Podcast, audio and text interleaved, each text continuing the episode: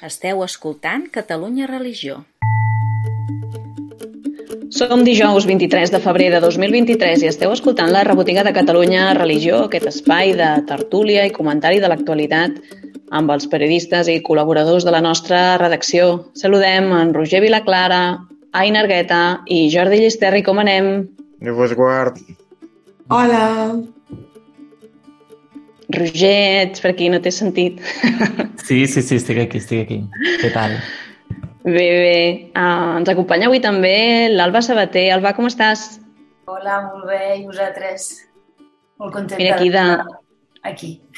aquí de rebotiga. Uh, avui t'hem convidat, doncs, com a sotsdirectora de l'Observatori Blanquerna de Comunicació, Religió i Cultura, perquè ho hem comentat altres dies aquí a la rebotiga, que a motiu dels 10 anys del papa Francesc, eh, Catalunya Religió ha volgut analitzar una mica quins han estat els principals canvis d'aquest pontificat, no? què ha significat, en quins àmbits doncs, ha, ha tingut un paper més rellevant.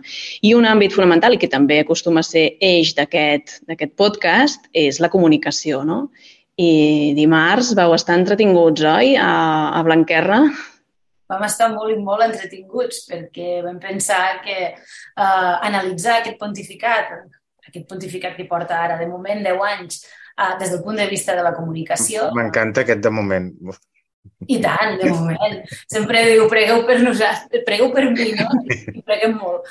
Doncs, doncs de moment 10 anys, i esperem que en siguin molts més, eh, han donat eh, a, a parlar moltíssim però sobretot des de l'àmbit de la comunicació per molts aspectes que, que, que ara sortiran i que vam parlar dimarts, uh, també. No? Eh, només a, a tall d'anècdota, recordo de les primeres vegades eh, que va coincidir que estava a la sala estampa eh, hi havia molta revolució, jo gairebé no acabava d'entendre per què, perquè ja estava com eh, entrant, i hi havia una roda de premsa en què s'estava anunciant eh, tota la reforma i modificació eh, de la comunicació vaticana, no? eh, que ha estat una de les grans també, eh, de les grans eh, fites, objectius d'aquest pontificat. I aquesta revolució que es vivia allà a Sala Estampa, eh, jo crec que és molt significativa i molt representativa de la revolució que, que el papa Francesc ha suposat. Molt bé. Ara, ara parlem d'aquesta revolució que m'ha entrat una mica de cara a barraca. Eh, aquest acte, eh, com dèiem, servia per analitzar doncs, eh, aquests 10 anys del papa Francesc des de la perspectiva, la mirada de la comunicació, un acte que, en el que hi hem col·laborat, ha estat impulsat per l'Observatori de Comunicació, Religió i Cultura. Catalunya Religió també s'hi ha sumat. A banda d'altres mitjans, eh, com Vida Nueva, també hi havia la Fundació Joan Maragall donant suport. I, I vau convidar a, a la Silvina Pérez i l'Antonio Pelayo, a la, la Silvina, directora de l'Observatori Romano, i, i l'Antonio Pelayo com a corresponsal a Roma d'Antena 3 una mica... Mm, bueno, no sé, també... Pelayo, perdó, eh? Jo el vam convidar més com a institució d'un de, dels periodistes que fa més anys que segueix el tema informatiu uh -huh. de, dels papes, més enllà de que ara la gent potser ho situa per, en per televisió en un... o de fa uh -huh. anys a Vida Nova. Vull dir, ell mateix ja és, ja és una institució per si mateix. Molt bé. Com va anar aquest acte, Jordi? Tu, tu, bueno, ja heu vist, no, Sergi? I el bisbe Sergi Gordo, exacte, sí, mm. perdó, que me'l deixava. Home, uh, i, I va fer una, una bona intervenció, no? Dèieu uh, també, Roger, tu ho vas recollir una mica més exhaustivament. Sí, um, bueno, o sigui, no sé si l'Alba voldrà afegir, però així d'entrada el, el que vam recollir també l'article, doncs sobretot era aquesta intervenció de, del bisbe auxiliar Sergi Gordo, que és cert doncs, que que es va enfocar molt com en, en les claus comunicatives del papa, no? i ell parlava doncs, del carisma, però sobretot també va destacar molt la senzillesa del papa com a, com a clau d'aquesta comunicació i d'aquest èxit comunicatiu. I, I no sé, va estar bé també que al final el bisbe doncs, va fer com, com un recull, ell va dir com titulars, no? com tuits d'aspectes de, de, del papa que destacaven d'aquests 10 anys, i, i, i bé, una mica va dir doncs, això, no? que el papa era doncs, el papa de l'esperança, el papa del tu a tu, de, doncs, com dèiem en el titular, de, del, del que et parla doncs, a tu i que parla el cor. Em, bueno, una mica això, i és cert que també les, les, la intervenció de la Silvina i de l'Antonio també mm, van ser molt interessants, almenys des, de, des del meu punt de vista. Jordi, quin subratllat en fas tu? Eh, no, jo vull escoltar l'Alba, per això hem convidat i veig que anem passant tots els que... No, jo diré perquè l'Alba va fer la introducció i, i ara no és per quedar bé, però va fer una bo molt bona introducció el Jordi sempre mira amb uns ulls. Exacte. Però no, en el sentit de... de, de i, I mira, i a més també va citar aquest recull que estem fent d'articles de diversos, des de diversos punts de, punts de vista que estem fent a Catalunya Revisió sobre balanç d'aquests 10 anys, no? I, i, i, i és que gairebé volia demanar a l'Alba això, que, ens, que, que, com que no tothom ho va poder I tornés, que, tor que tornés a, a, a donar l'essència. Perquè jo crec que amb allò ja estem situats i sí que després un parell de comentaris de, dels continguts sí que, sí que voldria fer. Vinga, sí. som-hi, doncs, Alba. I tant, som-hi, podem fer una miqueta de, de resum de, de, de, tal com vam introduir la sessió i després, doncs, allò, eh, la, la, cinc cèntims de, el que van dir els convidats, no? que va ser molt i molt interessant. Doncs bàsicament vam venir a dir que mm, l'objectiu d'organitzar també aquesta trobada era doncs, avançar-nos no només a fer resum i balanç d'aquest pontificat, sinó també a commemorar-lo no? I, a, i a celebrar-lo.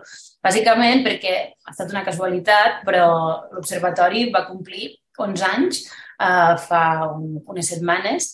Per tant, podem dir que gairebé la vida de l'Observatori de Comunicació, Religió i Cultura coincideix amb el pontificat de Francesc, no? I és veritat que eh, intentem assemblar-nos molt en el sentit de, de tenir un estil proper, Uh, quan el papa diu allò de hagan lío, doncs admetem que de vegades, doncs sí, hacemos lío, um, i, i del sortir, no? i de la proximitat, uh, i de pensar en el discerniment, però pensar en el diàleg, no? que aquesta és una mica uh, el que vam voler dir també. No? Tenim un papa uh, que reforma internament, però que també demana uh, escolta i una església uh, en sortida.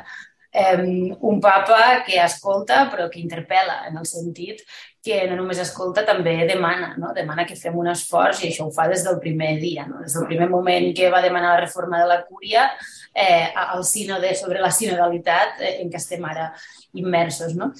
Um, per tant, una mica aquesta introducció el que volia dir era això, no? que tenim um, un papa amb unes idees molt clares i molt marcades, que en aquest cas coincideixen molt eh, amb la manera de fer també de l'observatori eh, i de mirar a, a, a la comunicació eh, d'aquest pontificat com ho hem anat mirant aquests últims 10 anys. No? I aquí sí que comentàvem també amb el Jordi, vam voler repassar eh, en un moment doncs, tota aquella gent que ha, ha passat eh, doncs, pels seminaris de comunicació i religió, que no sé si recordeu que hem anat organitzant amb la Fundació Joan Maragall, amb Catalunya Religió i l'Observatori mateix, precisament durant aquests últims 10 anys de, de Papa Francesc i en què hem tingut noms com el pare Antonio Espadaro o periodistes com l'Andrea Tornielli, la Franca Soldati...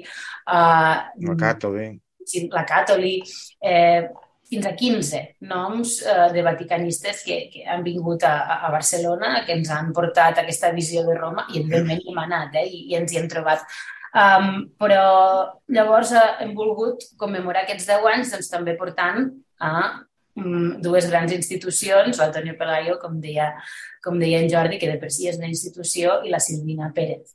La Silvina ja havia vingut, de fet, en aquests seminaris, eh, però creiem que té un, un discurs molt clar, molt directe, molt transparent, molt, molt alineat al del papa, també en aquest sentit, i per tant va complementar molt bé també en el que va dir l'Antonio Pelayo, evidentment introduïts pel Sergi, pel bisbe Sergi Gordó, um, però tots en aquest sentit van destacar, com deia en Roger, la senzillesa de la comunicació del papa, la mirada, insisteixo, la Míriam també quan va tancar ho va fer, aquesta mirada directa del papa, que no només mira, també demana, eh, van destacar doncs, aquesta revolució, aquesta església en sortida, eh, i, mm, bueno, va ser més la mirada des de la comunicació que no a tres aspectes que es podrien haver destacat, que algú del públic crec que fins i tot ho va dir, no? Per què no repasseu les encícliques?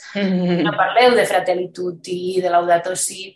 De fet, en algun punt dels discursos va sortir, no? Però la idea era veure el papa com comunica, el papa dels gestos, eh, el papa dels no filtres, diguem-ne, i, i el papa d'aquesta església més horitzontal. Aquí em va faltar una mica la referència que de vegades ha sortit, però clar, al final en una hora i mitja no et dona temps del famós... No, gairebé dues hores hem estat. Sí, gairebé dues hores, gairebé dues hores, no? Però un de, de tots els punts dels gestos del papa sempre ha sigut aquest selfie, allò que van intentar fer-li una foto i va dir no, no, sortim tots dos a la foto, no? Jo crec que això és molt simbòlic de l'església que vol el papa, no? Sortim tots a la foto. I, mm -hmm. i aquesta va ser una miqueta l'essència de, de tot plegat. Ja, jo crec que hi va haver una part que era previsible, és a dir, eh, aquesta dimen dimensió i domini de la comunicació i sinceritat de la comunicació del papa tampoc és cap novetat que portem ara especialment, s'ha comentat sobradament, però l'acte va ser interessant. D'una banda, eh, les seves intervencions, eh, però destaco, de la intervenció del bisbe Sergi Gordo, no tant només per l'aspecte comunicatiu, sinó que jo entenc que a través de, de, de l'aspecte comunicatiu ell va fer una síntesi de quina era l'orientació del pontificat del papa Francesc és a dir, partir d'un àmbit concret, però eh, ell va anar molt més enllà i escoltant la seva, la seva ponència, la, la seva intervenció, doncs et pots fer una idea molt clara i, i, i em va alegrar molt que un bisbe eh, faci aquesta síntesi on veus clarament que ha entès perfectament quin és el, el plantejament i el fons del, del pontificat del papa Francesc que de fet aprofito per recordar que l'acte està gravat i el, i el vam publicar mm. ahir el vídeo sencer a Catalunya Religió i jo sé que de vegades fa molta mandra escoltar un acte d'una hora i tres quarts amb un vídeo però està allà sempre. Mentre fas el sopar, mentre Exacte. es fa el sopar o el, o el dinar de diumenge, que és més ah, llarg i laboriós, poses el vídeo de fons. No, no, no, no, perquè cap, les teves interven cap intervenció es va passar excessivament de temps i tot, no. i després, després hi ha l'espai de les preguntes, que també és en aquest sentit més distret. Mm -hmm. Però, les, a veure, les tres persones que hi havia a la taula també saben parlar bé. Això també ajuda molt a que no, aquells senyors que venen i llegeixen una, una lliçó magistral i se'n van. Mm -hmm. I llavors, de, la segona cosa que vull destacar una idea que em, va, que em va agradar molt del que va dir la Silvina Pérez, la, la directora de l'Observatori Romano en l'edició en castellà, el, que el papa, amb, amb tot això, que ha portat és credibilitat. I ens va situar amb el 2013, on veníem de tota la crisi dels Batevics i de tots els... A veure, les crisis habituals de credibilitat del Vaticà i de la Cúria i tot això mm, ja venen de lluny. Mm? Però en aquell moment van tenir certament una revifada i on es va sumar ja al final del pontificat de Joan Pau II i durant i va ser l'explosió, diguem, durant l'època de Benet XVI, de tot el tema dels abusos. I ell ens va remarcar, i és que realment és així, que en dos dies, i parlo de dos dies, no metafòricament, sinó en dos dies, el papa va, va aconseguir donar un grau de credibilitat a l'Església que en molts àmbits i en molts llocs havia perdut.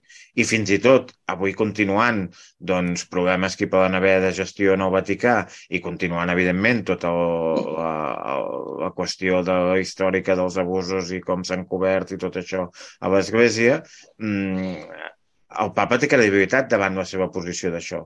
I això és molt important perquè tu pots dir, mira, sí, ha passat això, en, en aquell moment es feien les coses d'aquella manera, avui pot haver-hi gent que encara, que encara no, no que, que estigui traient o, la, la, la seva tasca pastoral que hauria de fer cometent delictes com són els abusos, però ningú posa en dubte que el papa està al davant d'això contra això. Mm.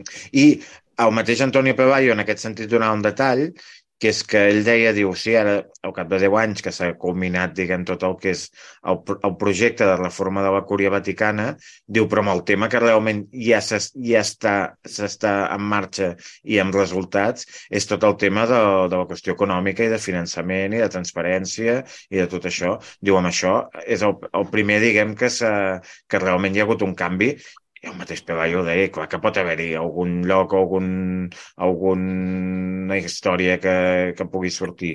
Però el sistema l'ha canviat i quan canvies el sistema fas que les coses, doncs, poden haver-hi, evidentment, eh, situacions doncs, que, no, que no estiguin ben resoltes, però el sistema no permet ni tolera això. Mm? I, i, el mateix sistema és el que ha de permetre que quan hi hagi una irregularitat surti. I això és un canvi ja que potser no és tan visible, perquè tampoc la gent anem seguint no, les finances del Vaticà dia a dia, però que és molt real i, i, i efectiu. Sí, perquè a més va dir és que no li ha tremolat el pols Vull dir... Eh, bueno, i el Sergi també ho va dir, caiga que en caiga. Caiga qui en caiga, mm. exacte, exacte. Perquè mm. una de les coses que van destacar és això, no? que, que, que pot ser um, una, un dels, dels riscos o de les amenaces que ha anat tenint o que encara té el papa al voltant, moltes vegades, eh, i va dir en aquest cas textualment l'Antonio Pelayo, és qui ha tingut al voltant no? no sempre ha fet la millor decisió en el moment d'escollir de, uh, qui l'assessorava o, o, o qui tenia uh, de manera més directa uh, doncs, al voltant per prendre decisions. I si quan s'ha anat a fer revisió uh, i s'ha anat a, a fer, diguem-ne, um, a passar comptes eh, del tema de les finances, doncs hi havia algú que inesperadament havia de caure, doncs, doncs ha caigut. No? I això només, no només dona credibilitat, com dia la Silvina, també parla molt de la coherència que va dir, que va dir l'Antonio Pelayo, no? és el papa de la coherència. Um, en aquest sentit, no només uh, revisant les finances. Si s'han hagut de posar dutxes al Vaticà, s'han mm -hmm. eh, dutxes.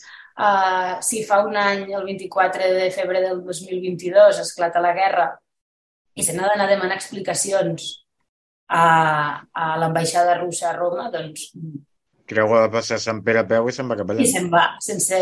No? Llavors, clar, això trenca uh, tot el que prèviament s'havia entès com, com, com un pontificat, no? I, i clar, i, i genera aquesta, aquesta revolució. Una de les coses que va dir en Pelayo precisament va ser que encara ens sorprenen aquests gestos, no? que sembla que... I, I va començar la seva intervenció dient però l'elecció de Francesc no va ser gens sorpresa, va ser menys sorprenent de lo que, de lo que molts eh, encara avui en dia creuen. Um, Aquí, Sí, sí, sí. Sí, digues, digues. No, que, que, que hi ha com una música de fons que, que ressona sempre, que és uh, aquest tema de que un pontificat, no, fins, a, fins, fins ara potser havia de ser com molt previsible, no?, tot el que passés, o que els tempos portaven a una prudència excessiva que, que paralitzava les coses, no? Això mateix. Doncs si cal tenir una conversa, doncs uh, som-hi, no? Agafo i, i em poso a caminar i ja estem fent camí, no? Aquesta part de una manera de fer absolutament uh, diferent, més espontània, més genuïna, aquesta part d'autèntica o de, de creïble, no? que fa que, que veus que la persona encarna realment allò que, que pensa i en el que creu i confia. No? I, I en aquí crec que la comunicació no l'entén tant com un vehicle per aconseguir uh, no? fer arribar uns missatges, no? per exemple, les encícliques, no? que seria el clàssic uh, recurs. Uh, com sinó un, que... Com un simple altaveu, no? De, jo et penso això... Exacte. No és, només, no és només fer un, un ressò, sinó que forma part de la, de la mateixa uh, tasca de l'Església, no? aquest comunicar, que és un objectiu en si mateix, que, que porta això que diu de la sinodalitat o de treballar amb els altres, perquè si no escoltes no, el, el que faràs uh, serà erroni, no? et portarà a caminar tu sol. No? Llavors, mm, jo crec que de totes les coses no, que es poden analitzar de la figura del papa, la comunicació és molt, molt rellevant. No? I suposo que ho entenem nosaltres perquè ens dediquem a això, però la gent també ho percep així, no? perquè s'ha guanyat una proximitat, aquesta doncs, credibilitat que, que dèiem, no? I, i des de la senzillesa i, hi ha maneres de fer això que s'entenen, no? Quan parla el papa l'entenem tots i, i no cal eh, com a objectiu marcar-se un discurs críptic per un sector molt reduït que és capaç de desxifrar-lo, no? Sinó que parla d'una manera que, que ajuda, que ajuda i, i fa, no? el que deies tu també, Alba, que ajuda a desencallar coses, no? És a dir, té una, té una visió d'on vol anar, té un projecte i, i l'encarrila cap aquí. No és només anem a fer massatges a la gent, sinó que diu coses que punxen i que fan que canvien les coses, no? I, Bueno, en fi, sí, llarga vida al papa, eh? Escolta, hi ha, hi ha, hi ha un factor que, que a mi sempre m'apassiona, que és que els que estem aquí a la grada jove, que, de fet, amb, allò, amb un cert coneixement de què passa al món, només hem vist un papa. Sí, així Clar. és. Aviam, n'hem vist dos, però que recordem fortament només un, sí. Clar, clar, perquè jo vinc de la prèvia que teníem a Joan Pau II. O sigui, hi havia un papa no? I, era, i, i després jo sí que recordo el canvi, el canvi amb, amb Benet XVI i, evidentment, eh, el de Francesc molt més recent, no? Però, però clar, anem ampliant aquí, no? Quan vam presentar l'Antonio Pelayo vam dir, ha conocido a seis papas. Yeah. No és només per edat, no? sinó també per la institució que ell és, l'experiència que té.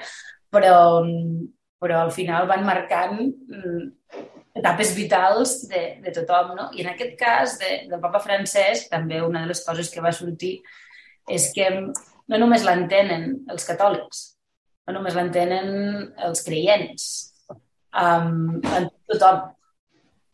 L'entén fins i tot gent que potser um, no acaba d'estar alineada amb l'Església o, o fins i tot amb la fe en general, no? Però aquesta coherència, aquesta transparència, aquesta horizontalitat, aquesta humanitat, doncs l'entén eh, l'entén molta més gent. No? I, I, per tant, això és un dels temes que va sortir en l'acte de, de dijous, ai, de dijous, perdoneu, de dimarts. De dimarts, de dimarts. De dimarts. Ja estem a ah, dijous, sí. Avui estem a dijous, sí. Doncs tenim aquest papa francès, no? que diu que és el que sempre et parla tu. Uh, podeu recuperar la crònica al nostre web i allà dins també hi trobareu tot l'acte sencer, com deia en Jordi en vídeo, que podeu revisar i tornar a escoltar o, o sentir-lo per primera vegada. Um, si us sembla, deixem aquí el papa i anem a veure més temes perquè uh, avui també publiquem una conversa uh, uh, amb, el, amb el pare Yosaf, monjo ortodox a, a Ucraïna. És una peça que ha fet l'Aina eh, i, i que té a veure, diguéssim, que ens porta a Ucraïna, on aviat, si no fa ja un any, eh, que va començar la, la guerra, la invasió de Rússia, i veure també des d'aquesta perspectiva eh, d'aquest religiós que, que ja vam entrevistar fa un any i, i que ens ha explicat no, com, com ha viscut aquest procés eh, i on són ara, no, Aina? Exactament. O sigui, el que volíem era fer com una peça com d'actualització de... Crec que vam parlar amb ell el segon dia de la invasió i eh, volíem veure què ha passat un any després. I la veritat és que han passat moltes coses, entre elles que el monestir va ser part del, ter del territori que els russos van envair. Llavors, eh, doncs ens ha explicat una mica el, el com ho van viure, sí que és veritat que ells no van estar en dels territoris més eh, afectats perquè ells anaven per una altra ruta i no els hi anava de pas, per dir-ho així. Però sí com perquè, que... Perdona, el monestir aquest cap on està? El monestir està a la ciutat de Nizin, al nord-est d'Ucraïna. O sigui, com si tu vens de Rússia cap a Kiev, te'l trobes més o menys al territori. Mm. Val, I... o sigui, és la part que va quedar més afectada al principi de les primeres setmanes. Exactament. És, eh, amb els primers bombardejos i... Exactament. Llavors, a partir de l'abril ja va, va ser quan la van alliberar i ja no, ja no, hi ha, o sigui, ja no hi ha russos, però, però clar, en tots aquests moments, com que ell va explicar, com que hi havia molts saquejos, hi havia molt pànic, la gent... M'agradava molt perquè ell deia tot el que manté un ordre en la societat normal, com per exemple la policia, tot això, no existia. Llavors no hi havia com llei per, no només per part de Rússia, sinó com que és que la policia o l'exèrcit s'havia anat a defensar altres parts. Llavors, tota la resistència que va quedar a la seva zona va ser resistència civil com ciutadans propis que agafaven el que podien i parla de que es constru... o sigui, feien les, els còctels Molotov i tiraven endavant i a defensar el que poguessin fer. Però com que va ser d'una forma, com que ell deia, amb molt poc però amb molt coratge. I ell com a religiós, com, clar, perquè ara ens acabes de dir dels còctels Molotov, mm. O sigui, no els muntava ell. Clar. clar. Però és que ell, ell el que passa que ell, clar, o sigui, al principi, eh, fa un any, la seva, el seu discurs potser era molt més pacífic, en el sentit de les nostres armes són el servei i les pregàries, però aquest, o sigui, després de... Sí, re recordo, Aina, perdona, faig un parèntesi, perquè recordo quan es va publicar aquesta notícia, que en aquell moment va ser una entrevista que va fer la Glòria Barrete, que aquest senyor, eh, hi hem parlat perquè és catalanoparlant, va estar 20 anys aquí, no? havia estat professor a l'Institut del Teatre i com que havia passat per aquí, doncs teníem també no, aquest fil uh, de, de proximitat. I, I recordo que es va criticar en part de dir, escolta, en pregàries uh, no sé si, si acabareu de, no? de tirar endavant. És a dir, que, que va ser una reacció clàssica de Twitter, no? però que ara m'ha vingut al cap quan deies això, no? aquesta potser uh, naïf, no? aquest punt de, de resistència que, bueno, està clar que, que és la seva feina, no? perquè aquest deu ser el seu primer encàrrec, pregar. Exactament, o sigui, ell, ell, ell ho diu, que ells han estat al servei però que la tasca principal de l'Església és pregar i que mai ho han deixat de fer. Però també hi ha un moment que ho puntualitza i diu eh, nosaltres, o sigui, jo puc ser tot el pacífic que vulguis, però si jo han vingut a la meva terra i m'han apuntat amb una pistola, tu t'has de defensar, saps? O sigui, com que ell en plan que, òbviament, que està molt bé pregar, ser pacifista, però que en moments així tot això es queden en paraules i al final tu has de defensar el teu poble i la, i la gent que tu, que tu estimes, no? Llavors, en aquest tema, per exemple, sí que jo he notat mm, de llegir-me l'entrevista que va fer la Glòria a la que jo li vaig fer, que ell potser sí que s'havia com radicalitzat una mica de, de deixar potser enrere el pacifisme, el que necessitem és defensar-nos, no? Però, bueno, que també és absolutament víctima de les seves circumstàncies, o sigui, crec que és s'entén mm -hmm. No, no, és un problema moral de primer ordre, un... és molt, molt, molt complicat. Alba, ara aquella... que està amb un ucraïnès, no? Dit? Sí.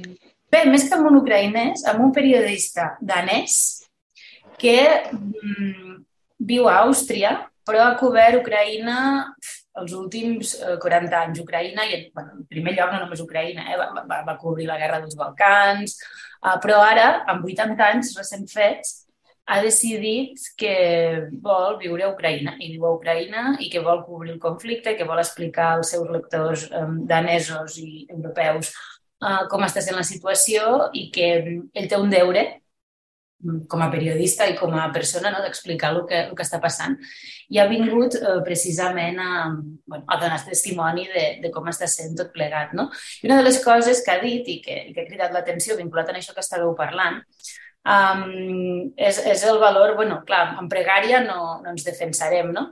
No, però hi ha símbols uh, i hi ha gestos que déu nhi el missatge que tenen, no? I ha destacat aquelles comunitats ortodoxes um, ucraïneses que van decidir celebrar el Nadal el 25 de desembre per no celebrar-lo quan el celebraven a Rússia, no? Mm -hmm. Ostres, um, la transcendència... Una tradició, no? Sí, sí, tan I forta. Això és, és, un, és un gest, és un pas brutal i, i perillós alhora, no? en el sentit que, bueno, com la gent que diu a Ucraïna que ja no llegirà mai més a Dostoyevsky, no? O sigui, clar, clar quan hi arribem a voler eh, abandonar la cultura, les tradicions, els símbols, clar, l'esperança també de reconciliació um, s'allunya, no?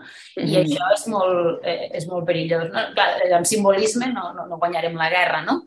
però déu nhi això, les conseqüències que, que pot arribar a tenir. Um, ell ha vingut perquè presenta, ha presentat um, un llibre sobre aquest tema que, by the way, um, publica primer que res en català um, i que es diu De viatge pel país de la sang i després sortiran a tres llengües, eh? però l'ha escrit originalment en danès i ha decidit que la primera traducció que es publica és, és en català. I bueno, i que explica tot el seu, tot el seu testimoni. Mm. Però aquí una... treus el tema... Perdó. Sí, digues, digues, Jordi. No, que dic que treus el tema de la conciliació, que evidentment ara amb l'aniversari de l'inici de la guerra i tal com està el conflicte eh, és com parlar per parlar, però clar, Europa ja en sabem d'això. És a dir, fa doncs, els anys 40 parlar d'alemanys i francesos doncs potser els de, eh, segur que la, la cultura alemanya, el prestigi que tenia França i al revés, mm, i avui és una cosa que la nostra generació mm, ni, ni s'ho planteja. Vull dir que no... També és veritat que aquí tenim una experiència molt diferent, que és la Guerra Civil, que aquí encara sí que hi ha encara, encara vivim un cert imaginari dels fronts decidits els uns o dels altres. I en canvi jo entenc que a nivell de països això potser és més recosible que quan és una, una guerra civil i més quan doncs en el cas d'Europa hi ha una cultura europea comuna, tot i que evidentment hi ha les cultures nacionals i lingüístiques, però, però el, el, en el cas d'Ucrània i Rússia també hi ha, un, hi ha uns punts comuns indissociables, més enllà del tema de la sobirania pròpia i de la pròpia història i tot això. Per tant, ara suposo que fa molt difícil de veure i d'imaginar-ho, mm. però és, crec que serà inevitable que, que, que, que d'una manera o altra això es pugui acabar recosint, mm, sobretot si el conflicte acaba amb que tothom doncs, pot tornar a exercir el, la seva sobirania i, el seu, i la seva independència, no? Volia fer només un, un apunt. Uh, faig un petit salt enrere quan hem parlat d'aquest dilema moral, no? del que implica agafar les armes en aquests contextos, que és que no... Um, sense, sense descartar que hi ha una feina imprescindible que s'ha de fer en aquest sentit que deia hora de, de recosir i pacificar, eh, evidentment, però no sé si l'heu vist, hi ha una pel·lícula molt bèstia, El soldat de Déu, que és un, un senyor que es converteix um, a l'església evangèlica i, i fa, un, bueno, fa un viatge al, al Sudan com un voluntariat i acaba molt implicat amb la guerrilla, no? I, i bueno, en fi, és tota, mostra molt bé a la perversió de, dels conflictes armats no? i com tot va degenerant. I, I ell, des de la seva fe, com alterna la prèdica, amb agafar la metralladora i defensar els seus nens, els que està protegint, no? Perquè hi ha assalts continus en els, en els orfenats on, on té acollides les criatures i ell té molt clar qui és la víctima i qui és, i qui és el, el, el, el més vulnerable, no?, en aquest cas. Però fa pensar molt i dona per un bon cinefòrum. Eh? Deixo aquí apuntada la idea, si no l'heu vist el, el soldat de Déu. Um, bueno, escolteu, fem, fem un salt, anem endavant. Uh, Roger, uh, ens podries repassar una mica els articles més llegits de la setmana?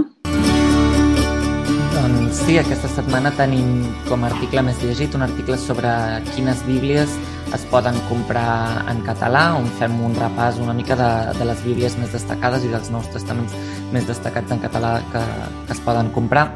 En segon lloc, hi tenim la notícia que la companyia de Jesús enduria les mesures cautelars contra Marco Rubnik per les denúncies d'abusos que havien aparegut fa uns mesos i que ara més n'havien recopilat de noves.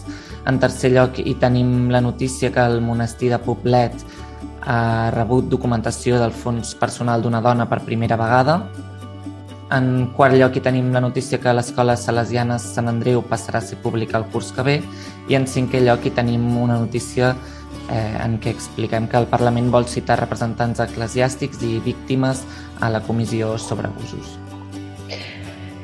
Molt bé, de tot plegat. Uh, potser que ens quedem amb la notícia de capçalera, la, la primera de la llista, uh, aquest recull de bíblies que ens va fer l'Aina. Um, Aina, com l'has orientat, la peça? Quantes bíblies t'has llegit per fer l'article? Uf. Ni jo no ho dic. Eh, la veritat és que al principi vaig parlar amb la biblista, la Mar Pérez, que surt a, o sigui, la uh -huh. l'article, i ella em va com fer una cronologia de les bíblies que van anar sortint des de la primera a l'era moderna, per dir-ho així, que va ser la Bíblia de Montserrat, fins les més noves i les més destacables i tot això. I després també ens vam posar en contacte amb el Josep Maria Lantà, que és com la referència del llibre religiós de la llibreria Claret. I entre Ell ells, també és una institució sí, és una... si mateixa. Hi ha la llibreria Claret i la Ventà, que són dues institucions diferents. I exacte, i entre ells dos em van ajudar molt com per crear un fil conductor de, des del principi les bíblies que van haver-hi, però també les més destacables, perquè hi han hagut moltes versions perquè, com ja sabem, la, la Bíblia és el major bestseller de tots, però, clar, com per fer-lo arribar a tothom, no? O sigui, com no, s'han adaptat per joves, s'han adaptat per nens, s'han adaptat per també la, la pròpia església evangelista ha fet la seva versió. O sigui, com que hi ha hagut moltíssimes versions. I ha estat, bueno, ha estat un, un camí interessant aprendre que hi ha tanta, tanta diversitat dintre del que podríem dir que és la mateixa història, no? Amb traduccions quina, també de diferents. quina traducció ets, Alba?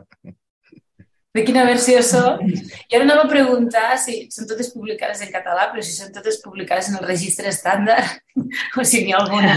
Ah, clar, ara surt la vena de Tortosa, clar. Ara surt la vena. La vena de... Bueno, ma mare és de Lleida, la Mar Pérez. La, la BCI va publicar una en valencià i una altra en, el, en balear, però són les úniques que jo m'han comunicat que estaven com en aquest, o sigui, en, en els dialectes. Llavors també està una bíblia, però és més d'estudi, que és la, la bíblia de València. Però clar, no, em van dir que no era tant com per llegir-lo tu a casa, sinó com per estudiar-la perquè era un document històric. Bueno, és que les primeres traduccions en català són això que comentava ara l'Aina de la Bíblia de València. Mm. A casa la que tenim així més de referència és la, la interconfessional, la BCI, aquella... bueno, banda del Nous Testaments, tots els que vulguis, no? Però, però sí, aquella blava, una edició blava que va dir com dins d'una capseta de plàstic, bueno, de butxaca amb aquell paper. més estèticament quan Sí, i, i, i, no? I amb el concepte que és, que és bonic, que el del paper bíblia, no? que els editors en parlen, que és aquest paper finet, perquè clar, quan tens un llibre tan gruixut, amb, amb tant de text, no? quan, quan s'editen determinats documents i es fa servir aquest recurs, és, es, es, bueno, que, Veus, que aquí, es fa servir aquesta expressió. aquí sí que és veritat que hi ha, hi ha un canvi generacional perquè després la, la, la Bíblia catalana interconfessional, la BCI, jo crec que s'ha convertit en més la, la referent, però eh, amb els que vam estar en moviments de joventut i tot això, el que utilitzàvem sobretot, i, és, i tinc encara aquí a casa amb guardat i amb tots ratllats i marcat i el llibre mig desmuntat amb el Iron Fix, és la Bíblia, el, el Nou Testament de la Claret, que era el que Sí, utilitzàvem. sí, I sí, aquest és sí. el que Aquell blau, blau i blanc, o Jo una altra edició vermell, anterior, vermell, eh? Pots d'una altra, vermell. pots d'una altra. No, no, jo, l'edició que tenia jo era la vermella, era el que utilitzaven tots des de la catequesi i tot això era el que... Sí, sí, el sí, que sí, ja feien. recordo quin és, sí. Molt bé, bueno, bíblies per donar i per vendre i les trobareu totes recopilades aquí. De fet, és un article viu que si aconseguim esbrinar, Alba, a això que, que deies i ho trobem, també ho podem acabar afegint. Mm? I tant, i tant, també. Sí. Si, si esbrino alguna cosa, també. Ai, No, mira, ara que estem a, a la rebotiga, que expliquem les coses que passen darrere, aquí ens va passar en aquest article i ens passa altres vegades, que quan l'has publicat te n'adones que hi ha alguna, algú et fa notar coses que, que són incorrectes o que t'has deixat i que tal, i fins i tot eh, un cop publicat l'article continua viu. eh? I vam Mm. fer alguns canvis després d'una una estona, unes hores després de la publicació, perquè hi havia coses que ens havíem deixat. O sigui que encara, encara hi som a temps de, a rectificar-ho. Mm. Molt rebé, doncs escolteu, uh, si us sembla deixem aquí la rebotiga d'aquesta setmana. Moltíssimes gràcies, Alba Sabater, avui convidada especial. Uh, sots directora de l'Observatori Blanquerna de Comunicació, Religió i Cultura. Uh, gràcies, Roger Vilaclara, Aina Argueta i Jordi Llisterri. S'ha acomiadat també una servidora, Laura Mor. Fins aviat. Adéu.